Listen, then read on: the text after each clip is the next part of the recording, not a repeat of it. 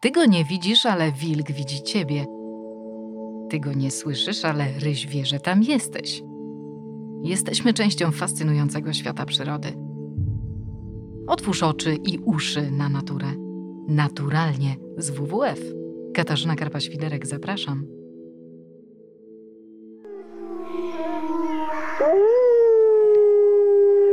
Poznać znaczy oswoić. W tym przypadku nie w sensie dosłownym, tego absolutnie nie chcemy, ale w sensie emocjonalnym, a nawet intelektualnym. Wilk, jeden z trzech największych drapieżników lądowych Europy, wrócił na przynależne mu miejsce, czyli do lasów w całej Polsce. Po tym jak niemal całkowicie w latach 70. usunęliśmy go z polskiej przyrody, dziś żyje już nie tylko w ostatnich ostojach dzikości, jak Białowieża czy Bieszczady, ale niemal w całym kraju. Ale skoro wrócił, dodajmy, że powrót jest jeden do jednego jednego związane z tym, że człowiek po prostu przestał go zabijać, bo wilk jest pod ścisłą ochroną. Ożyły też legendy i mity związane z wilkiem. Pojawiły się też realne problemy na linii drapieżnik-drapieżnik, czyli wilk człowiek. Dzisiaj pokażemy Państwu wilka z dwóch e, perspektyw e, osób, które robią wszystko, by stworzyć warunki do tego, by ludzie i wilki mogli obok siebie żyć. Jedna z tych osób we wschodniej Polsce, a druga działa w zachodniej części Polski i we wschodniej części Niemiec. E, I już e, spieszę z przedstawieniem. E, na zachodzie ode mnie, bo ja znajduję się w Warszawie w tym momencie, kiedy Państwo mnie słyszą, jest Bartosz Łysakowski, ekolog, pracuje w zoo w Kodbus, zajmuje się wilkami problematycznymi żyjącymi na wolności, no i w ogóle poświęca im dużą część swojego prywatnego życia. Witam Cię Bartku.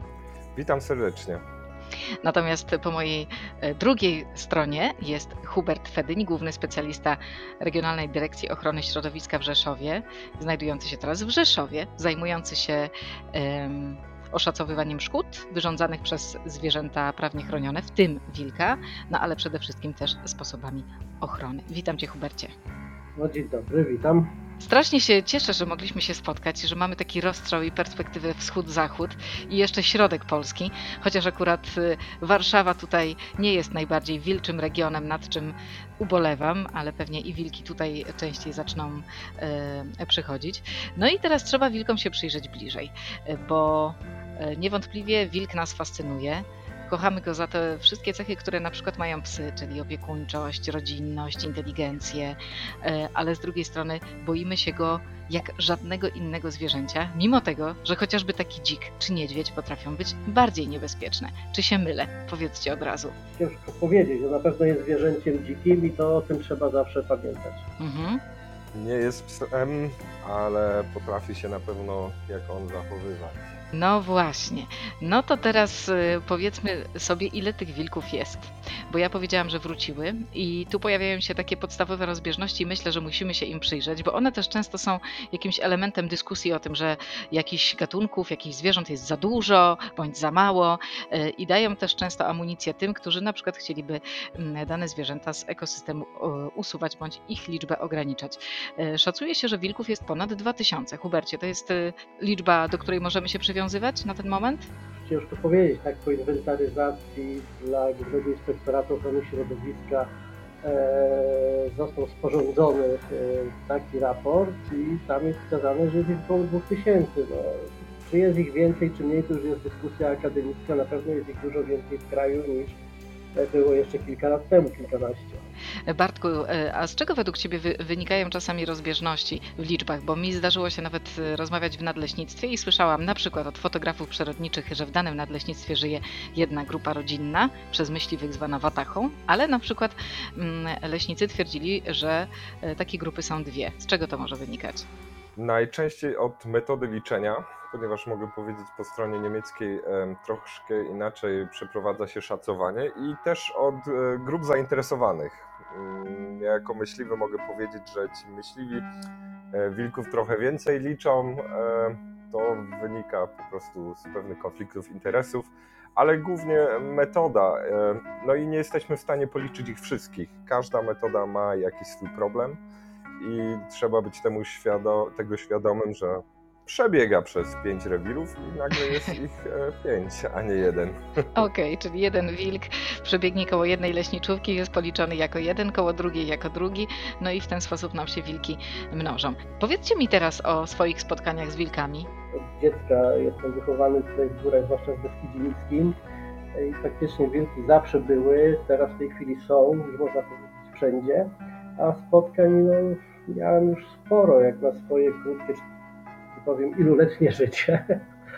Eee, najciekawsze to mamy zawsze oczywiście przy szacowaniu szkód, kiedy o godzinie pierwszej przychodzimy, po pół godziny jesteśmy u hodowcy, a wilki znowu opędzlowują owce, więc proszę sobie wyobrazić, jak to śmiesznie wygląda. Często jesteśmy tak zaskoczeni, że zamiast aparatem robimy zdjęcia na przykład GPS-em, który trzymamy w ręku. Y, Ale jakie y, emocje u ciebie wilki wywołują? Czy ty na przykład masz jeszcze taki wil, y, wil, lęk przed wilkiem, czy raczej podchodzisz do tego spokojnie, przyzwyczajony jesteś? Powiem tak, jestem, nie, ja się nie emocjonuję zwierzętami, jednak no powiem szczerze, że będąc do północy między młodnikami, czy, gdzieś pod uprawą kukurydzy, e, mając wokół siebie wyjące wilki w odległości kilkunastu metrów i słyszy się jak chodzą dookoła, no to czasami filmy, horrory się przypominają. Bartoszu, jakie były twoje spotkania, albo są spotkania, o których chciałeś opowiedzieć? No, niestety najwięcej wilków z bliska widziałem do tej pory rannych albo chorych, bo to jest taka sytuacja, e, która no, sprawia, że do tego zwierzęcia można dużo bliżej podejść aniżeli normalnie.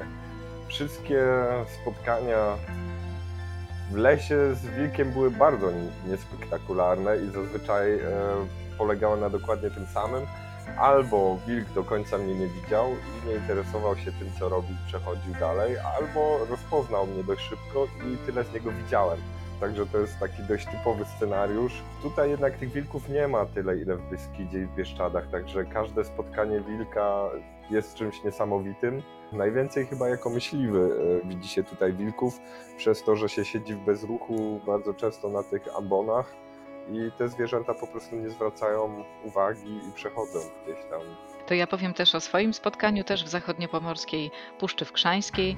Jednego dnia widziałam maluchy, a drugiego dnia widziałam i maluchy, i e, dorosłe wilki, w tym waderę, która skutecznie nas od tych młodych e, najpierw odstraszyła, a potem odprowadziła na bezpieczną odległość, szczekając e, i wyjąc na zmianę, e, mówiąc idźcie sobie, idźcie, jesteście za blisko i nie czuję się tutaj z wami bezpiecznie. To też było rzeczywiście niesamowite doświadczenie. Zresztą zachodnio-pomorskie lasy, myślę, że akurat tutaj to jest dosyć wspólne. Mm, te- Ten zachód Polski i wschód Polski mają przepiękne lasy i dużo zwierząt, prawda? I można się zachwycać nie tylko drapieżnikami, ale e, także innymi gatunkami, w tym mm, dużą ilością zwierząt kopytnych, jak sarni czy jelenie, które w tych lasach żyją. Jesteście w kompletnie różnych miejscach Polski. E, W Bieszczadach wilki są od dawna. Ludzie są do nich w miarę przyzwyczajeni. E, Okolice Szczecina, Zielona Góra, e, no w ogóle województwa zachodniopomorskie, lubuskie, czy trochę dalej na, do, w kierunku centralnej Polski, w Wielkopolsce, wilki są nowymi mieszkańcami ekosystemu. Jak to zmienia nasze myślenie o wilkach? Hubercie, może najpierw do ciebie. Mnie się ciężko tak naprawdę wypowiedzieć, jak tam na zachodzie e, to myślenie będzie się rozwijać lub jakie jest faktycznie, dlatego że no, dzieli nas spora odległość. Natomiast prawdą jest, że u nas no, ludzie są na pewno przyzwyczajeni już do tych zwierząt, inaczej w ogóle zachowują się w momencie, inaczej podchodzą, nawet określając, gdy wilki zabiją jakieś zwierzę gospodarskie tego wilka, czyli mówią to z większym spokojem. Natomiast na zachodzie, będąc kilka razy może coś jednak powiem, to faktycznie jest to troszeczkę jeszcze e, bardzo duże wydarzenie. W nowych terenach no, na pewno ciężko się będzie ludziom jeszcze długo przyzwyczaić do tego, co się tam dzieje lub będzie dopiero działo w momencie już, gdy te e, wilki skolonizują na tyle mm, te tereny, że po prostu siedliska się już wysycą. Y, Bartku, do ciebie to pytanie. Jest zdecydowana różnica. Tutaj Hubert ma absolutnie rację, do tego stopnia nawet, że im dalej na zachód, tym wilk e, bardziej spotykany jest jakby z paniką. I w Niemczech wilk jest absolutnie tematem politycznym. On stracił w dużej mierze swoją naukowość. Podziały, jeśli chodzi na temat akceptacji wilka, są niesamowite, głównie przebiegają na granicy miasto-wieś ale trzeba sobie wyobrazić, że wilk w Niemczech jako jedyne zwierzę został włączony przed paroma laty do umowy koalicyjnej rządu. Także e, zupełnie inne jest podejście. Daleko W jakim sensie? Wyjaśnij to, bo to ciekawe. Chodziło tutaj o to, że partie rządzące podjęły decyzję, że e, ilość wilków będzie regulowana i że zajmie się tym odpowiednio rygorystyczne prawodawstwo, e, co doprowadziło do szeregu no, błędnych decyzji. Jak ty sobie, jak ty to oceniasz, Hubercie? Taką sytuację, kiedy rząd określa, że jest jakaś liczba i do tej liczby mamy docelowo dążyć i regulować. Prawdą jest jedno, że wreszcie kiedyś należy wprowadzić jakiekolwiek zarządzanie populacją. Oczywiście zarządzanie często w domysłach od razu chodzi tylko o zabijanie, ale to jest między innymi e, cała rzecz, jaka się ma dziać z tą populacją, która e, występuje, no, powiedzmy na terenie Rzeczypospolitej. Natomiast nic nie robienie albo robienie w drugą stronę, za dużo czegoś robienie, a nie znalezienie środka jest najgorszym złem, jaki może się spotkać. Więc tak czy inaczej na pewno należałoby określić pewne wreszcie granice na podstawie głównie, głównie powtarzam, no, badań wreszcie DNA, żebyśmy stwierdzili ile tak naprawdę tych wilków mamy, bo szacunki, tak jak wspomniałem wcześniej, no, nie odzwierciedlają całej liczby. Na pewno jest ich dużo, dużo więcej, Natomiast ile ich jest, to nigdy y, i nikt tak naprawdę nie stwierdzi, czy jest 2101 czy 1999,9 wilka. I tu się czasami rozwijają dyskusje właśnie o te e, jednostki, nazwijmy to. Natomiast e, powinno być przeprowadzenie na pewno DN, badań DNA w całej Polsce. E, wtedy moglibyśmy określić, że mamy nie mniej niż wilków, no i wprowadzić wreszcie jakiekolwiek zarządzanie populacją, czyli mm, podejmowanie pewnych decyzji w określonych miejscach. Wartku, zgadzasz się z tym?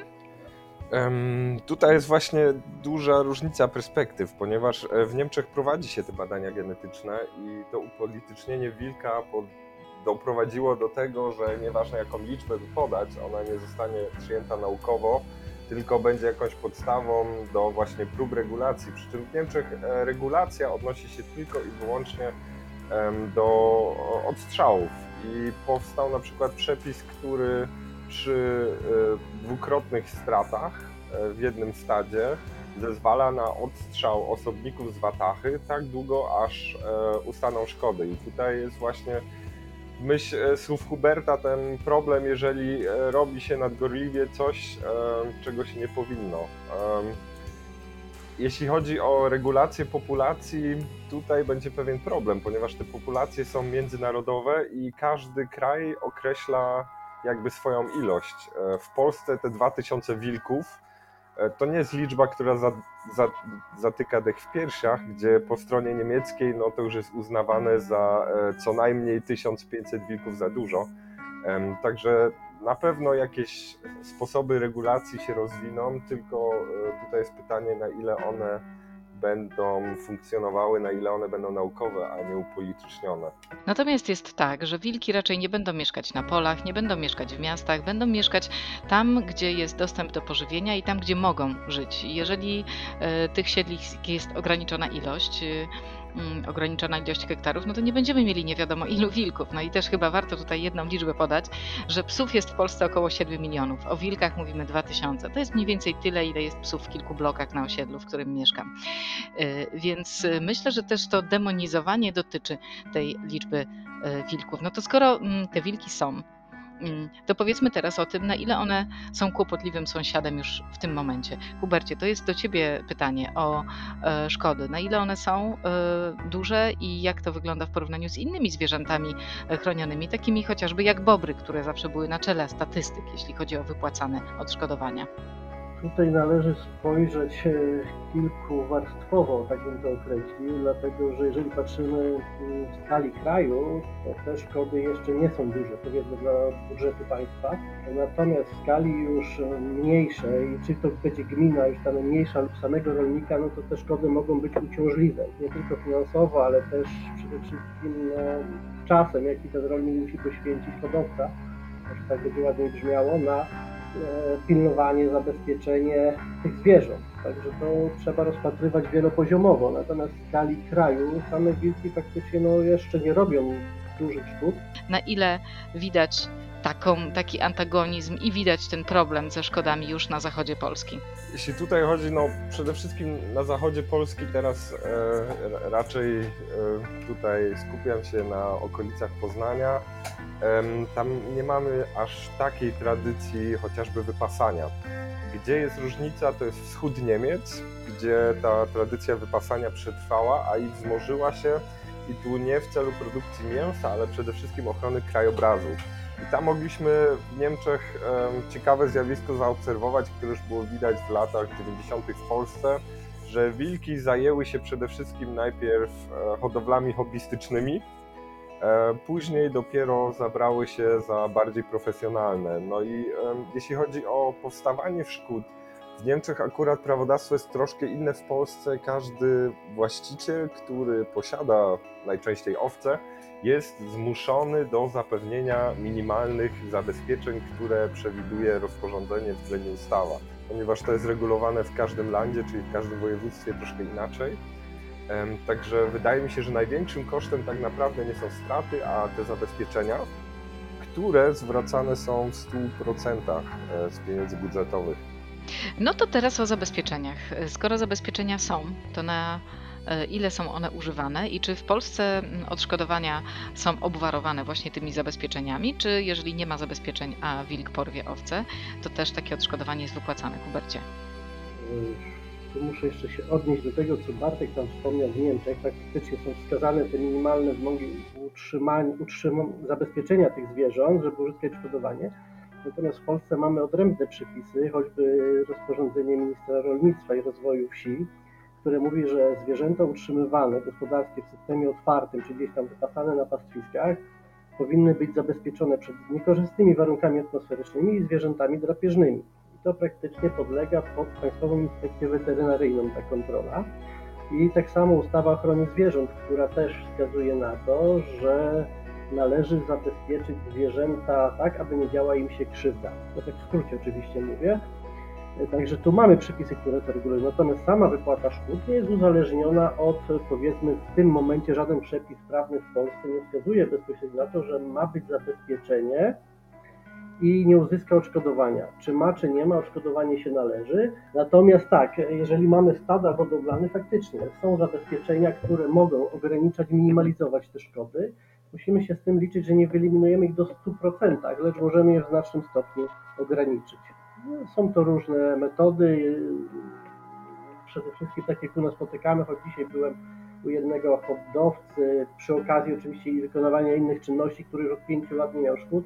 W tej chwili ma e, siatkę elektryczną zamontowaną na pastwisku, w niej trzy psy pasterskie, no i od 5 lat mamy z nim spokój w sensie szkód.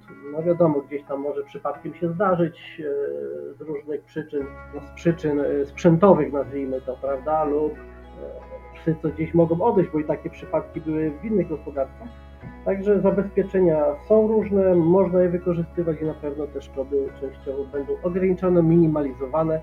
Jedynie co, no to więcej hodowcy muszą po prostu poświęcić czasu na mm, pilnowanie tych zabezpieczeń, prawda, czy, czy, czy, czy pilnowanie nawet psów, zwracanie uwagi na nie. To ja dodam z ramienia WWF-u też, że my rozdaliśmy już ponad pół tysiąca e, takich ogrodzeń elektrycznych, które zabezpieczają nie tylko e, hodowlę owiec czy, czy owce na pastwisku, ale zabezpieczają też e, pasieki przed niedźwiedziami, więc to jest super istotne. Robimy to oczywiście we współpracy z regionalnymi dyrekcjami ochrony środowiska, między innymi właśnie z Hubertem, z którym zdarzało nam się spacerować po halach i zabezpieczać takie stada, czy sprawdzać zabezpieczenia. Pamiętam, Hubercie, jak zapytałam jednego hodowcy, jak on się odnosi do wilków, i tutaj raczej było e, takie odniesienie się mm, wrogie. Zapytałam, jak sobie radził jego ojciec, również posiadający owce z wilkami. Powiedział, że nie radził sobie, bo nie było wilków. Czyli wcześniej było tak, że można było po prostu tych owiec nie pilnować, a wilk zmienił o tyle sytuację, że trzeba włożyć wysiłek w pilnowanie zwierząt. No i teraz cały wysiłek też e, musi iść w to, żebyśmy przekonali ludzi do tego, że wilki są nam potrzebne. E, I jak byście to zrobili? Co byście powiedzieli, żeby powiedzieć hodowcom, ludziom innym, że to, to, to nie jest tak, że możemy tylko żyć na świecie my i zwierzęta hodowlane, ale też są nam potrzebne zwierzęta dzikie, w tym drapieżniki. Bartku? tutaj akurat e, trochę doświadczeń w mojej pracy jako edukator. E, bardzo dobrym, dobrym porównaniem są tygrysy. E, wszyscy jakby od razu się pod tym podpisali, że tygrysy tutaj muszą być zwierzętami chronionymi, e, z którymi trzeba żyć na świecie. Tygrysy co roku zabijają e, sporą nawet ilość ludzi. Wilki w momencie, kiedy zjadają e, kilka owiec, nie są u nas tolerowane.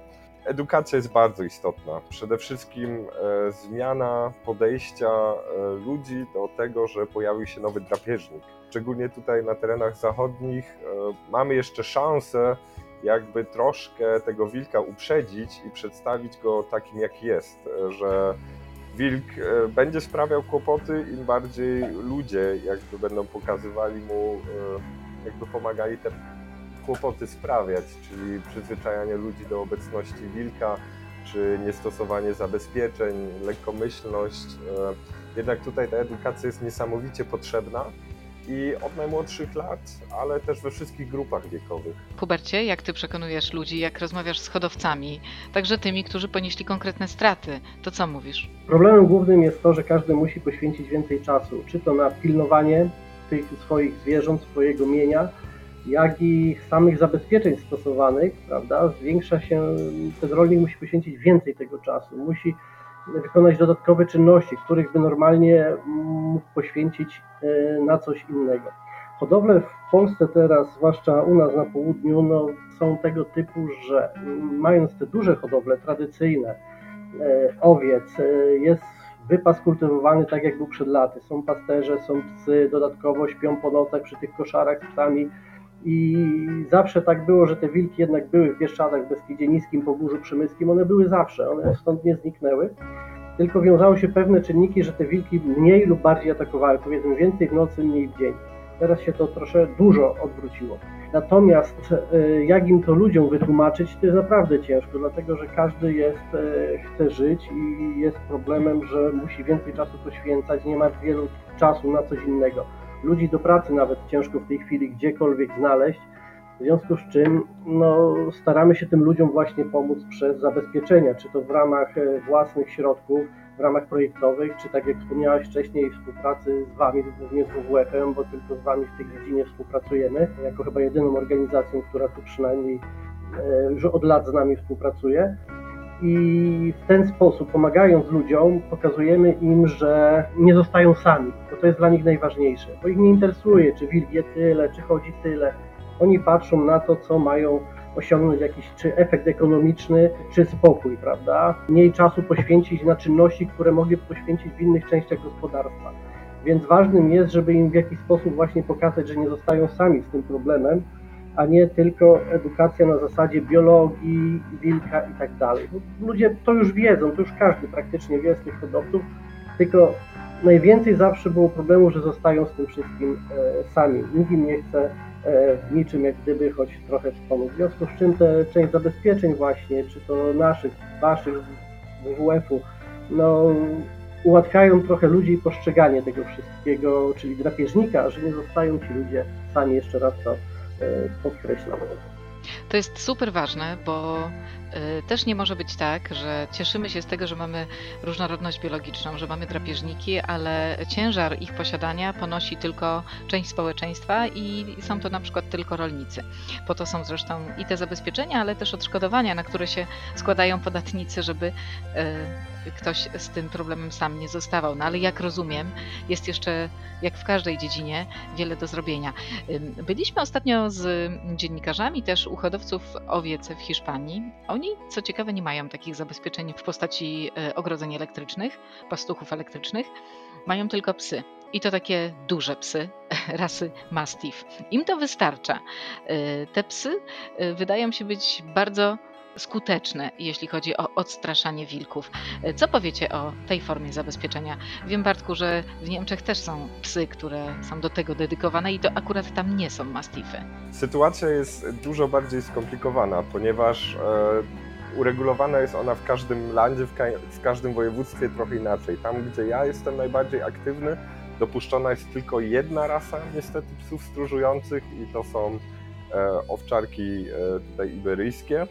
Przy czym psy muszą e, przejść e, kursy, muszą zdać egzaminy, e, ale są też w pełni finansowane, też koszty wyżywienia są pokrywane i tak dalej. Także ta sytuacja z psami jest nieco, nieco inna w Niemczech i one są tylko częścią, jakby uzupełnieniem ogrodzeń. Także podstawowym zabezpieczeniem są ogrodzenia, a psy są jakby tylko uzupełnieniem i stróżują wewnątrz tych ogrodzeń.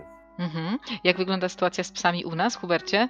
My dajemy owczarki podhalańskie. I to owczarki, które też są wyselekcjonowane. To nie jest pierwszy lepszy pies. Chociaż z tego, co mówili nam podczas wizyt y, gospodarskich gospodarze, fantastycznie y, sprawdzają się też y, mieszańce, czyli kundle, bo one są tymi, które są często najbardziej czujne i pierwsze alarmują, że podchodzi drapieżnik.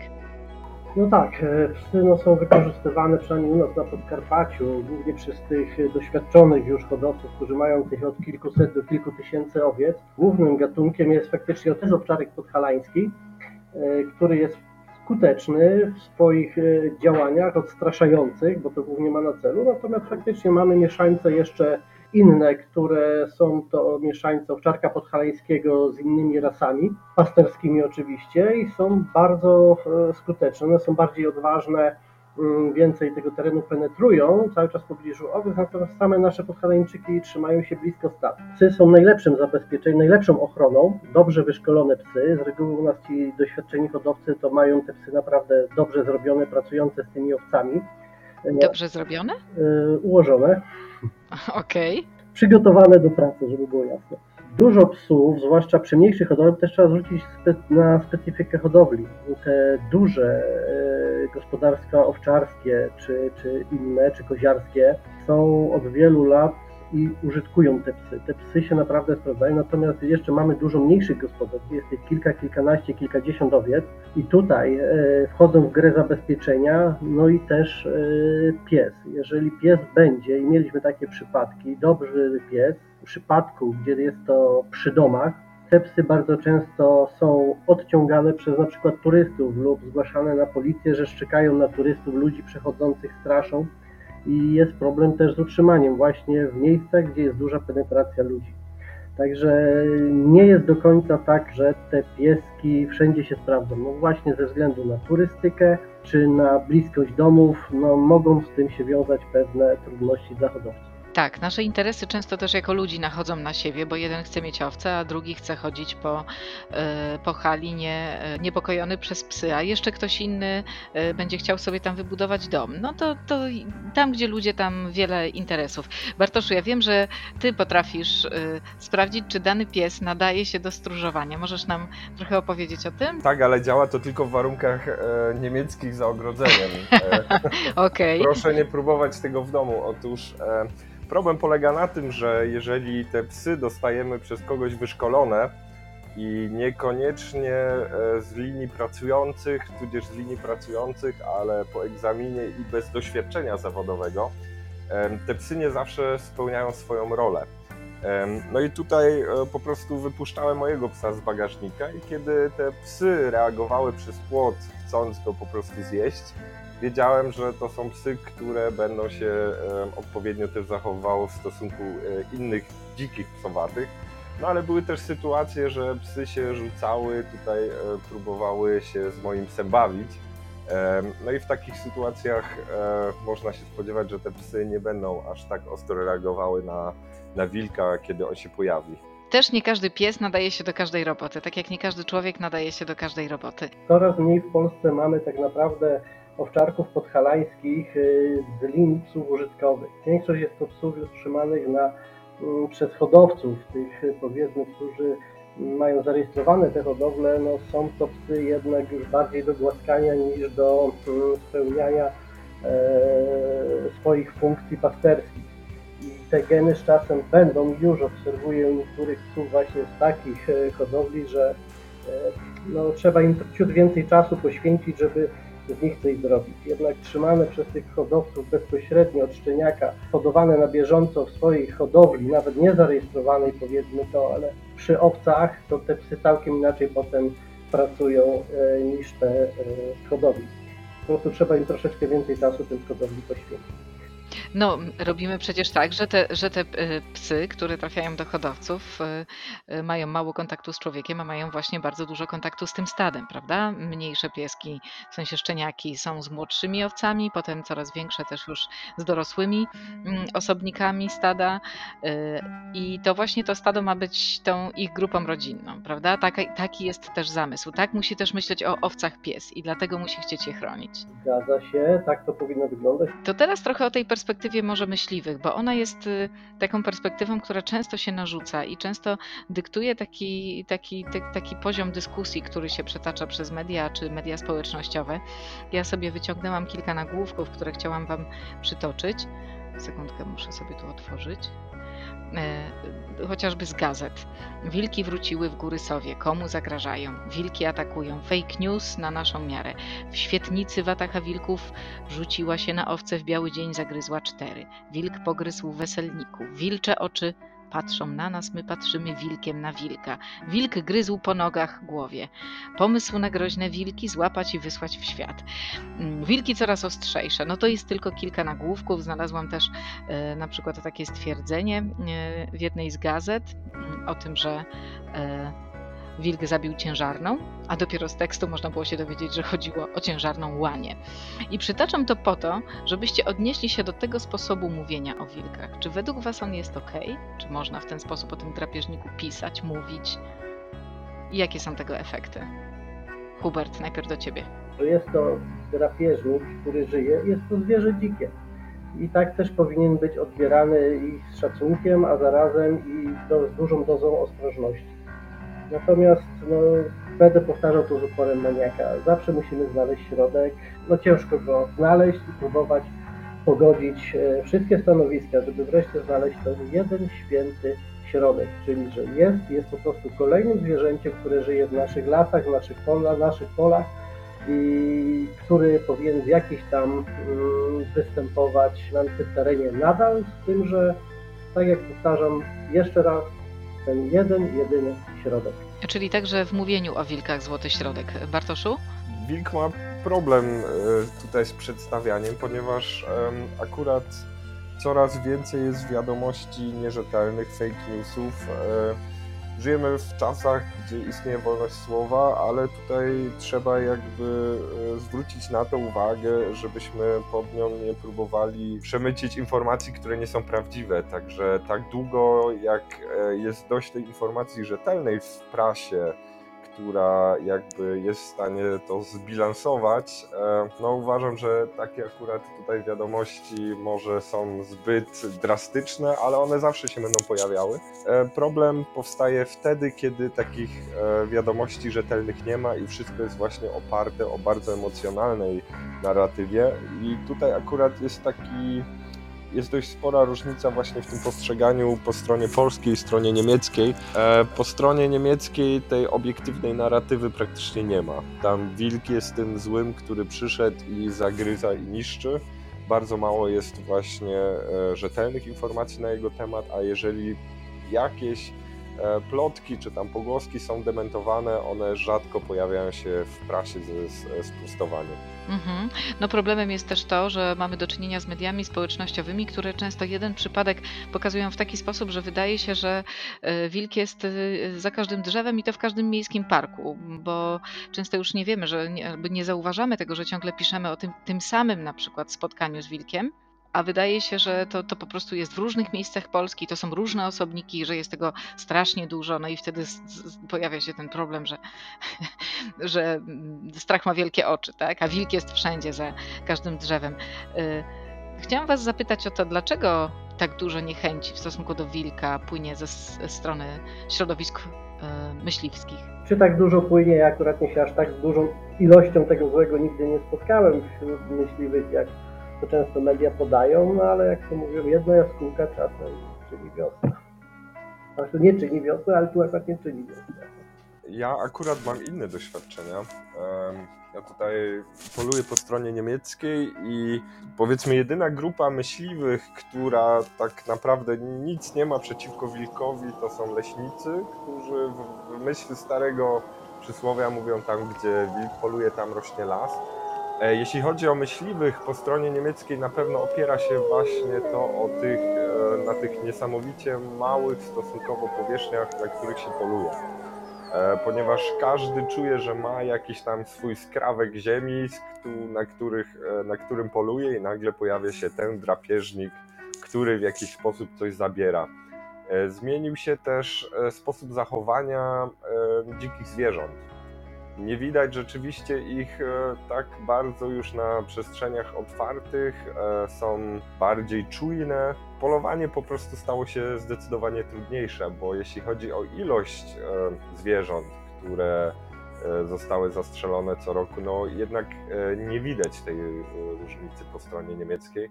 Także wydaje mi się, że jednak ta narratywa, że przyszedł drapieżnik ze wschodu, przy czym e, wielu opowiada, że te wilki zostały przywiezione w bagażniku z Polski, wypuszczone.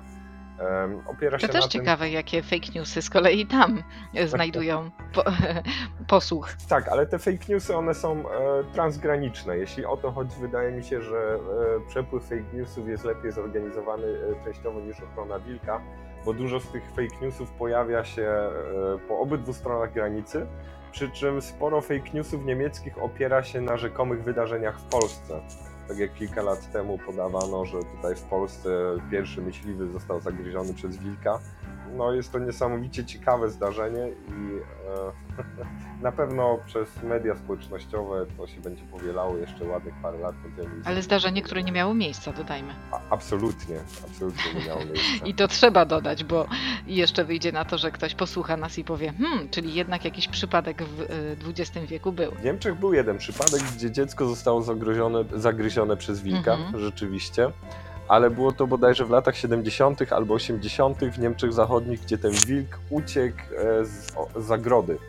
Także to nie było zwierzę dziko żyjące, tylko wilk, że tak powiem, hodowlany, który miał też e, bardzo złe do czynienia, e, bardzo złe doświadczenia z ludźmi. Wilki, które są konfliktowe, czy które są problematycznymi osobnikami, zawsze są e, wilkami, które miały jakiś kontakt z człowiekiem, którego nie powinny mieć. Bądź to przez dokarmianie na czatowni, bądź to przez po prostu odłowienie, wyjęcie z nory i wychowanie przez człowieka, przez jakąś tam początkową fazę życia. No i zawsze to wtedy rodziło problemy. To znaczy, nie do końca bym się aż tak z tym go- zgodził, bo uważam, że choćby przypadek nasz Bieszczadzki tutaj e, z gminy Cisnej, no to bardziej był ukierunkowany według mnie na to, co prawdopodobnie też niektórzy się z tym zgadzają, naukowcy, tylko może głośno o tym nie mówią jeszcze, aczkolwiek pewnie powiedzą. Ten przypadek był bardziej związany z kompostowynikami, gospodarką odpadami.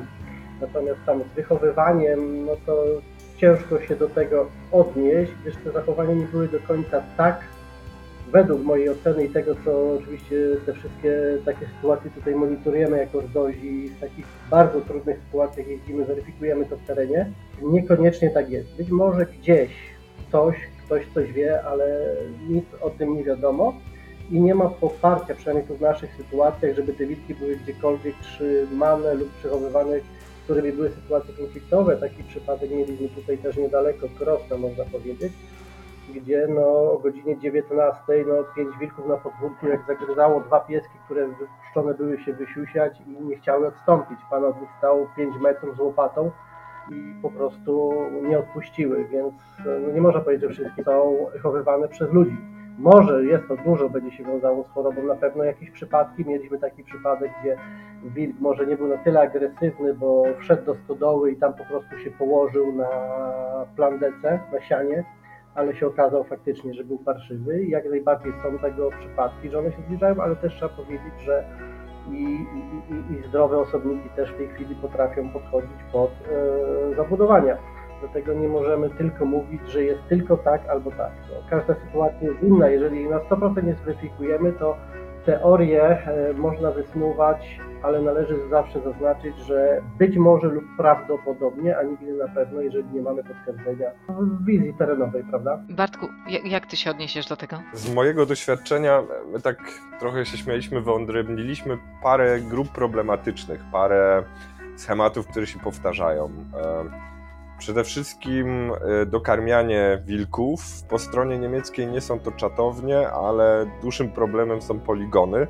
ponieważ e, tam żołnierze dokarmiają te wilki i kilka przypadków właśnie, w których doprowadzono do odstrzału, były spowodowane tym, że wilki miały dobre skojarzenia z samochodami, podbiegały do samochodów czy też do ludzi. Później kolejny typowy przypadek to jest wilk, który chowa się w stodole albo w sianie. Zazwyczaj te wilki, one e, mają świeżbowca ponieważ kiedy ich jest, e, powiedzmy, ta populacja jest dość duża, mają coraz więcej ze sobą kontaktów, zarażają się świeżbowcem. W momencie jakiegoś osłabienia, przynajmniej po stronie niemieckiej, jest tak, że bardzo często jakiś wypadek komunikacyjny albo postrzał, tudzież inna choroba, ten świeżbowiec się ujawnia i szczególnie zimą jest tym wilkom zimno i one zaczynają się chować w stogach siana, tam łapią myszy, koty i w ten sposób niepokoją mieszkańców. No i trzeci taki typowy przypadek, o, który bardzo często tutaj też widać, to jest zabłąkany wilk w mieście. Przy czym te niektóre miasta otoczone są terenami zielonymi, otoczone są lasami i te wilki w jakiś sposób tam błądzą w środku, przede wszystkim młodsze osobniki na jesień i tam oczywiście e, pojawiają się doniesienia prasowe, że ten wilk jest widziany.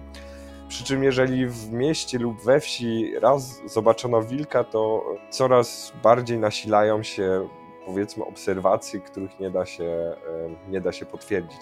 Także wydaje mi się, że to jest też taki fenomen. Są oczywiście wilki, które zbliżają się i będą zbliżać do osad ludzkich.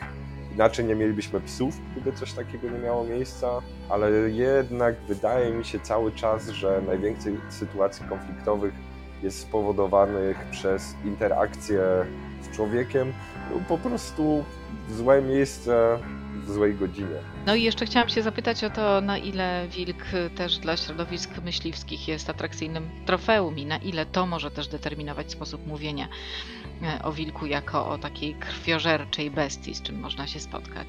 Tu wydaje mi się, że będzie znowu różnica między środowiskami polskimi a środowiskami niemieckimi.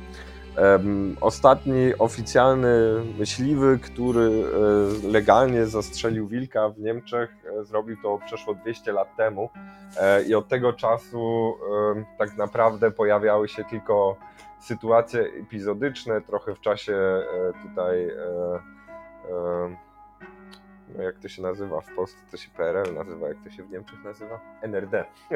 w czasie NRD też tylko kilka wilków odstrzelono ale mimo wszystko jest to bardzo atrakcyjne trofeum i to sama ilość nielegalnych odstrzałów w Niemczech pokazuje, że te wilki jako trofeum są niesamowicie atrakcyjne.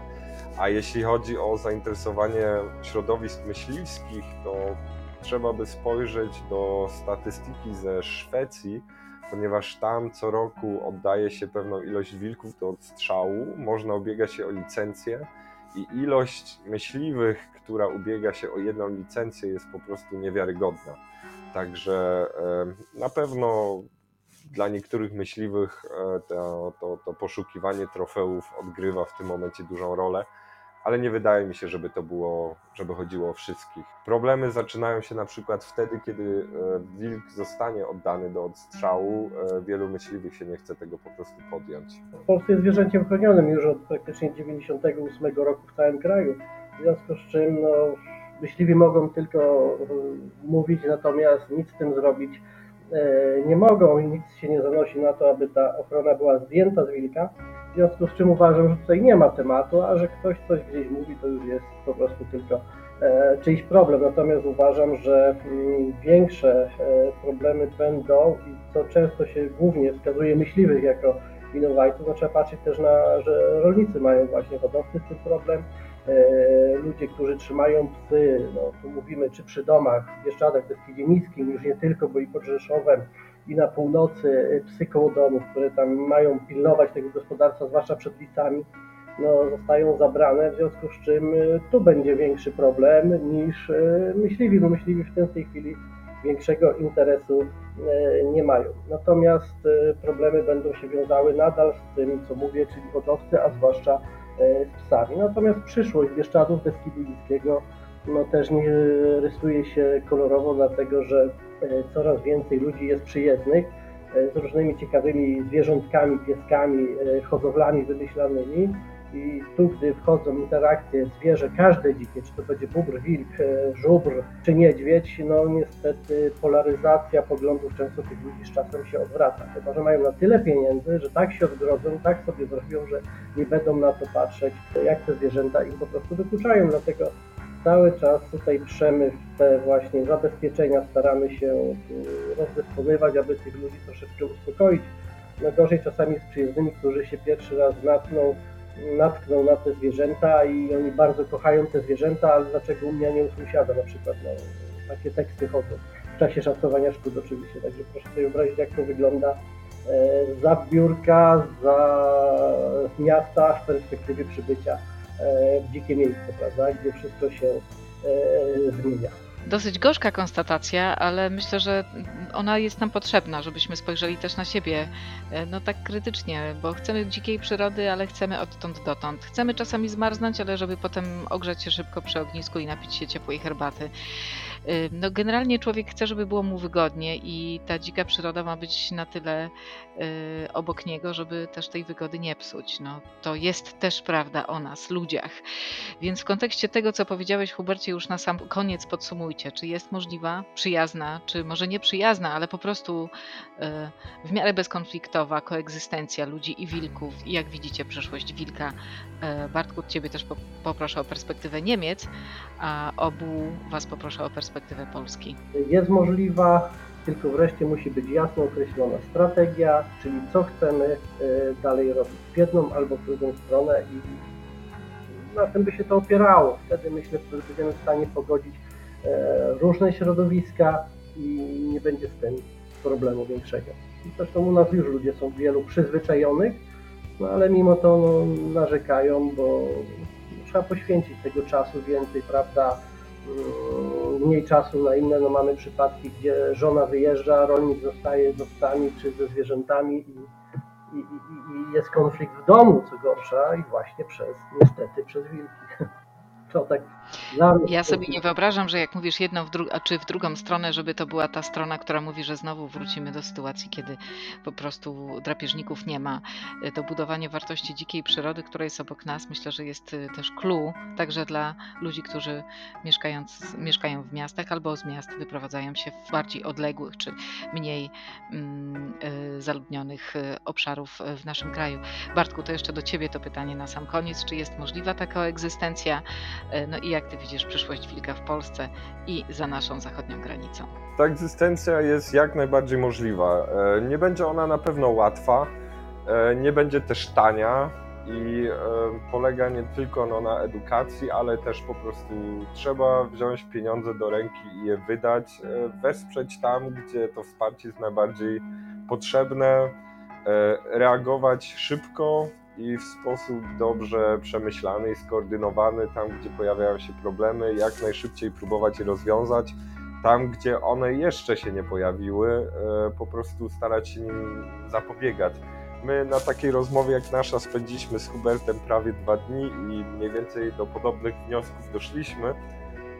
Także dalej trzeba iść w ogrodzenia, zabezpieczenie. Zawsze będą się pojawiały jakieś osobniki problematyczne, z nimi trzeba sobie też poradzić. No i im wyższa akceptacja, im większa wiedza i im większe wsparcie przede wszystkim dla tych, którzy są tymi problemami z wilkami e, dotknięci, tym wydaje mi się, że to sąsiedztwo będzie łatwiejsze i przyjemniejsze dla obydwu stron. W Polsce wschodniej mamy już niedźwiedzia, mamy już rysia, ale to są jeszcze wyzwania, które, e, na które Polska Zachodnia czeka.